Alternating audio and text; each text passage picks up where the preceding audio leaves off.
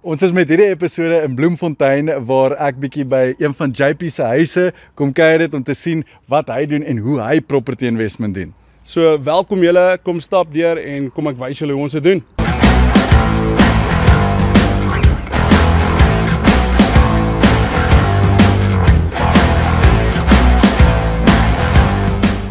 OK, lekker JP. Hoe gaan ons? So vandag staan ek hier so in Bloemfontein saam met JP by een van sy huise wat hy nou net gekoop het. Ons het hoe lank terug ontmoet, JP? 'n Dag. Seker 4, 5 ure terug. so ek is op pad uh, Kaap toe en toe travel ek deur Bloem en toe het ek 'n koffie saam met JP en hy vertel my toe van sy journey as 'n property investor en uh, hy doen presies dieselfde wat ek ook doen, multilets, uh kommuniehuise, studentebehuising en hy het 'n hele klomp van hulle hier in Bloemfontein en toe dog ek dit sal dalk goed wees vir ons audience om net bietjie te hoor wat's jou take op op hoe jy dit doen en wat jy doen. So ek gaan sommer met die net die deur inval en sê vertel ons net bietjie hoe het jy jou eerste eiendom gekoop? Jy weet, vertel uh, almal bietjie daardie storie. Um, want ek dink dit was nogal inspiring. Okay, nee, is reg. So eerste eiendom was baie jonk. Ek was 18 jaar oud.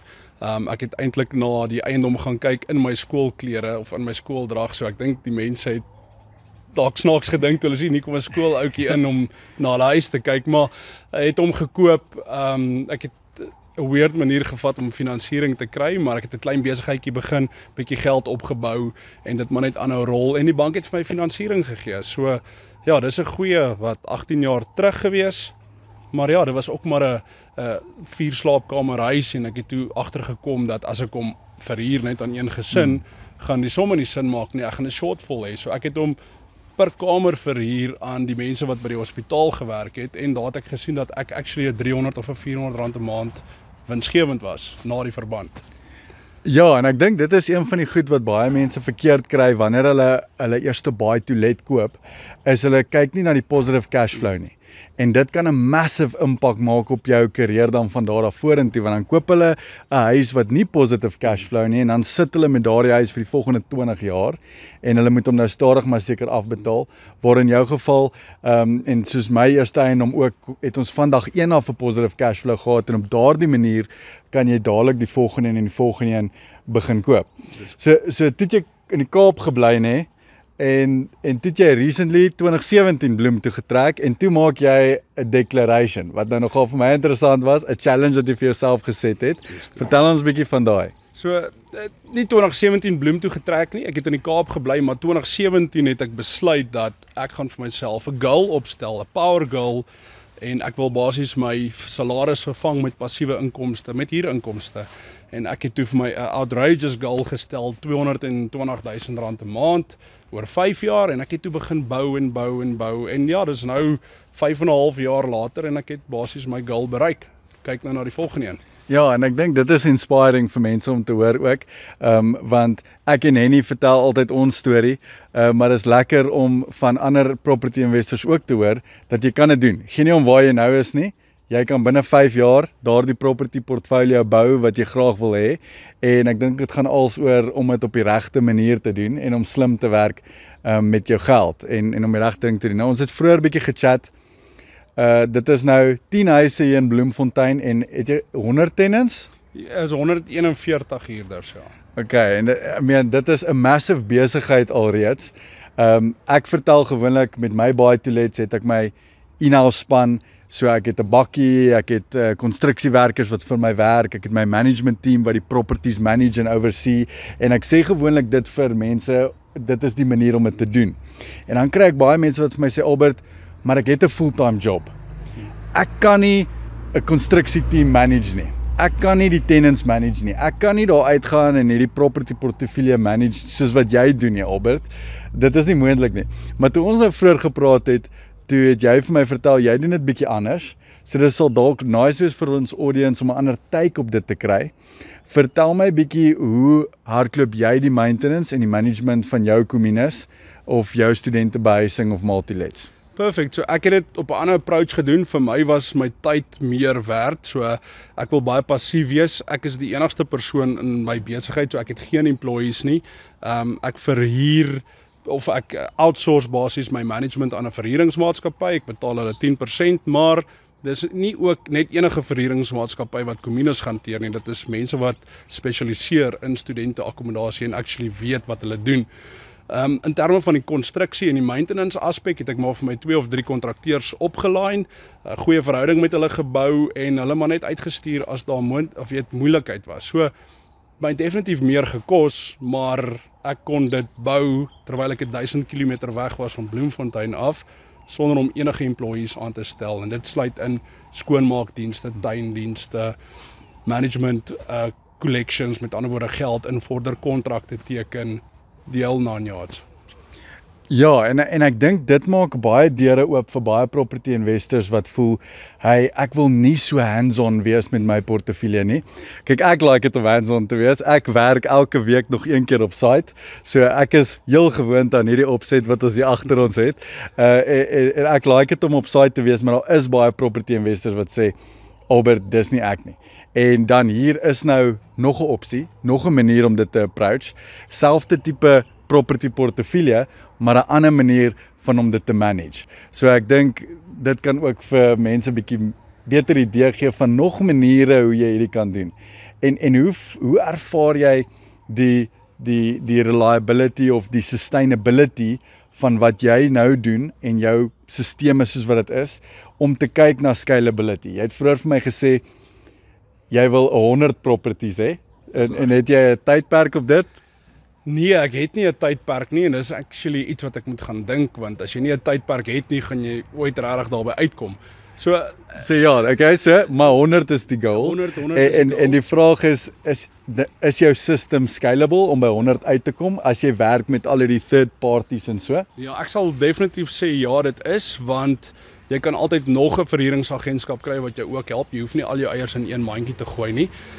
Ek dink as ek my eie tyd daaraan moet spandeer, gaan dit moeiliker wees om te skuil. Ek sal eerder 'n span opbou van mense wat ek vertrou en jy weet, kan los om die werk te doen. Natuurlik moet mense hulle manage. Jy moet kyk of hulle die regte goeders doen, is die kwaliteit van die werk reg.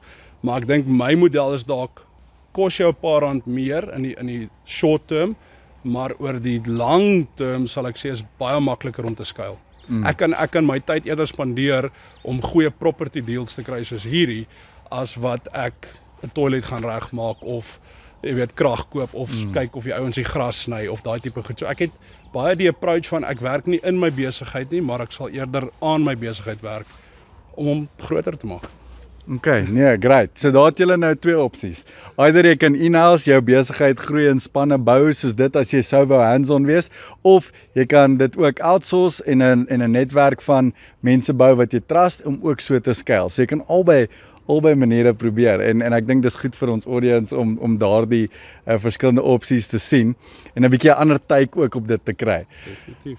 So vertel ons wat gebeur hier. Gee ons 'n praktiese rundown net so vinnig oor okay koopprys vir jy weet verhuuring, wat wat's die plan hier? Jy weet, gee ons net so 'n bietjie breakdown. Dis reg so, ehm um, hierdie was 'n studente akkommodasie eiendom, baie swak bestuur, lank leeg gestaan, hulle het hom gewandaliseer en alles uitgesteel. So hy is baie naby geleë aan die universiteit, ehm um, aan die mediese hekke veral. So ek gaan hom weer 'n keer terug verander in studente akkommodasie in. Uh koopprys 850 000 rand. Ek dink is 'n bargain geweest. Ehm um, ek skat ek gaan so 800 000 rand spandeer aan renovations.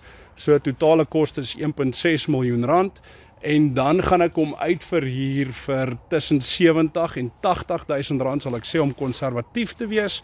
Uh, uitgawes insluitende die verband, maintenance, vacancy rate, ehm um, tuindienste, skoonmaakdienste, alles wat daarmee gepaard gaan, 40 000. So hy behoort 'n 30000 rand cashflow positief te wees van maand 1 af.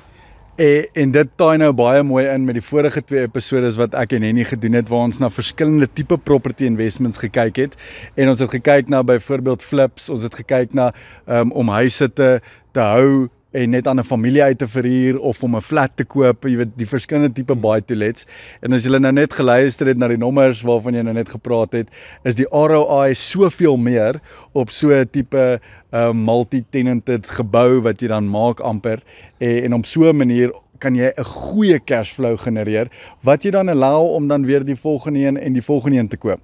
En en jy het bietjie vroeër gepraat oor die proses waardeur jy moet gaan om om eventually op hierdie op hierdie plek te kry in Bloemfontein het jy gesê is daar sekere aansoeke en goeders wat jy moet doen. Ja. Gee ons dit gee net die audience so klein kort rundown van van hoe dit lyk. Perfek. So ehm um, studente akkommodasie multilet is daar 'n proses wat jy deur moet gaan by die munisipaliteit om special use consent te kry om toe te laat vir studente om op die perseel te woon maar ook tesame met dit het die universiteit 'n akkreditasieproses geïmplementeer waar hulle actually mense uitstuur om kom kyk na die kwaliteit van jou huis. Want daar is baie ouens wat vir studente, jy weet 'n klein hokkie gee met mm. badkamers wat nie, jy weet, eh, toegerig, toegerus is vir studente nie. So hulle kom uit en hulle kyk as die brandblussers, as die kamers 'n sekere grootte, is daar genoeg badkamers. So daar's 'n hele proses in terme van die universiteit wat jy moet comply om te kan sê okay, ons mag studente hier hê en as ook die munisipaliteit om seker te maak dat jy nie overcrowd nie en dat die rewildstelsel nie onderdruk is nie en die elektriese stelsel So ja, special use consent by die munisipaliteit en akkreditasie by die universiteit. Maar obviously as jy deur daai prosesse gaan en jy kan hierdie turn on investment kry, is dit als die moeite werd. So as jy 'n property investor is daar buite en jy dink dis te veel moeite, jy wil dit nie aanpak nie, uh, moenie bang wees nie. Go for it, gee dit 'n try. Al doen jy dit een keer en jy kyk hoe dit is en elke keer leer jy 'n les of jy groei weer bietjie en en en eventually kom jy daarby uit. So JP ek is 'n groot voorstander daarvan om te sê jy kan met 0 rand begin. Jy moet dit maak gebeur in jou lewe en dat property investment 'n goeie tool is vir financial independence. Ek gaan reg oor die land, ek praat by skole oor financial independence, ek praat met mense en ek sê altyd property investment is 'n great tool. En toe ons nou vroeër koffie gedrink het, het jy ook gemention en gesê dat die rede hoekom jy property investment doen is juis vir daardie financial independence. Ehm um, wat's jou take op hoekom property 'n great investment is en en die belangrikheid van om financially independent en financially free te wees in in daai sin.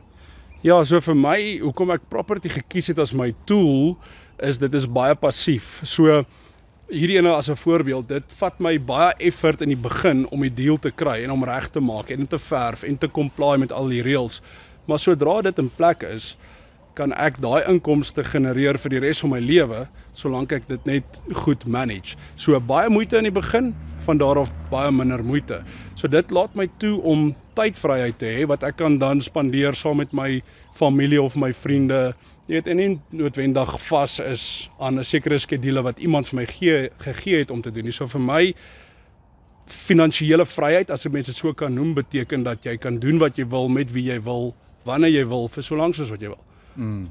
En ek dink dit haal net soveel meer stres van 'n ou af as jy weet jy het 'n inkomste en jy is nog jonk genoeg om te kan werk as jy sou wou werk. Maar dit, dit ek dink dit maak net soveel meer possibilities oop vir iemand as jy finansiële vryheid het. Ja, ja, ek stem 100% saam en ek dink dit is hoekom ons hierdie podcast doen is om mense te help om in property investment in te kom sodat hulle ook daardie verskil in hulle lewe kan maak. So ja, ons het so 'n bietjie by JP gekuier vandag, een van sy huise gesien en julle het nou gehoor wat die man sê oor property investment en financial uh, independence en al die dinge. Uh enige laaste woorde van wysheid wat jy wil deel met uh, ons audience vandag? Ja, ek sal definitief sê voordat jy begin belê in eiendom, gaan soek vir jou 'n mentor of leer by iemand wat dit reeds gedoen het.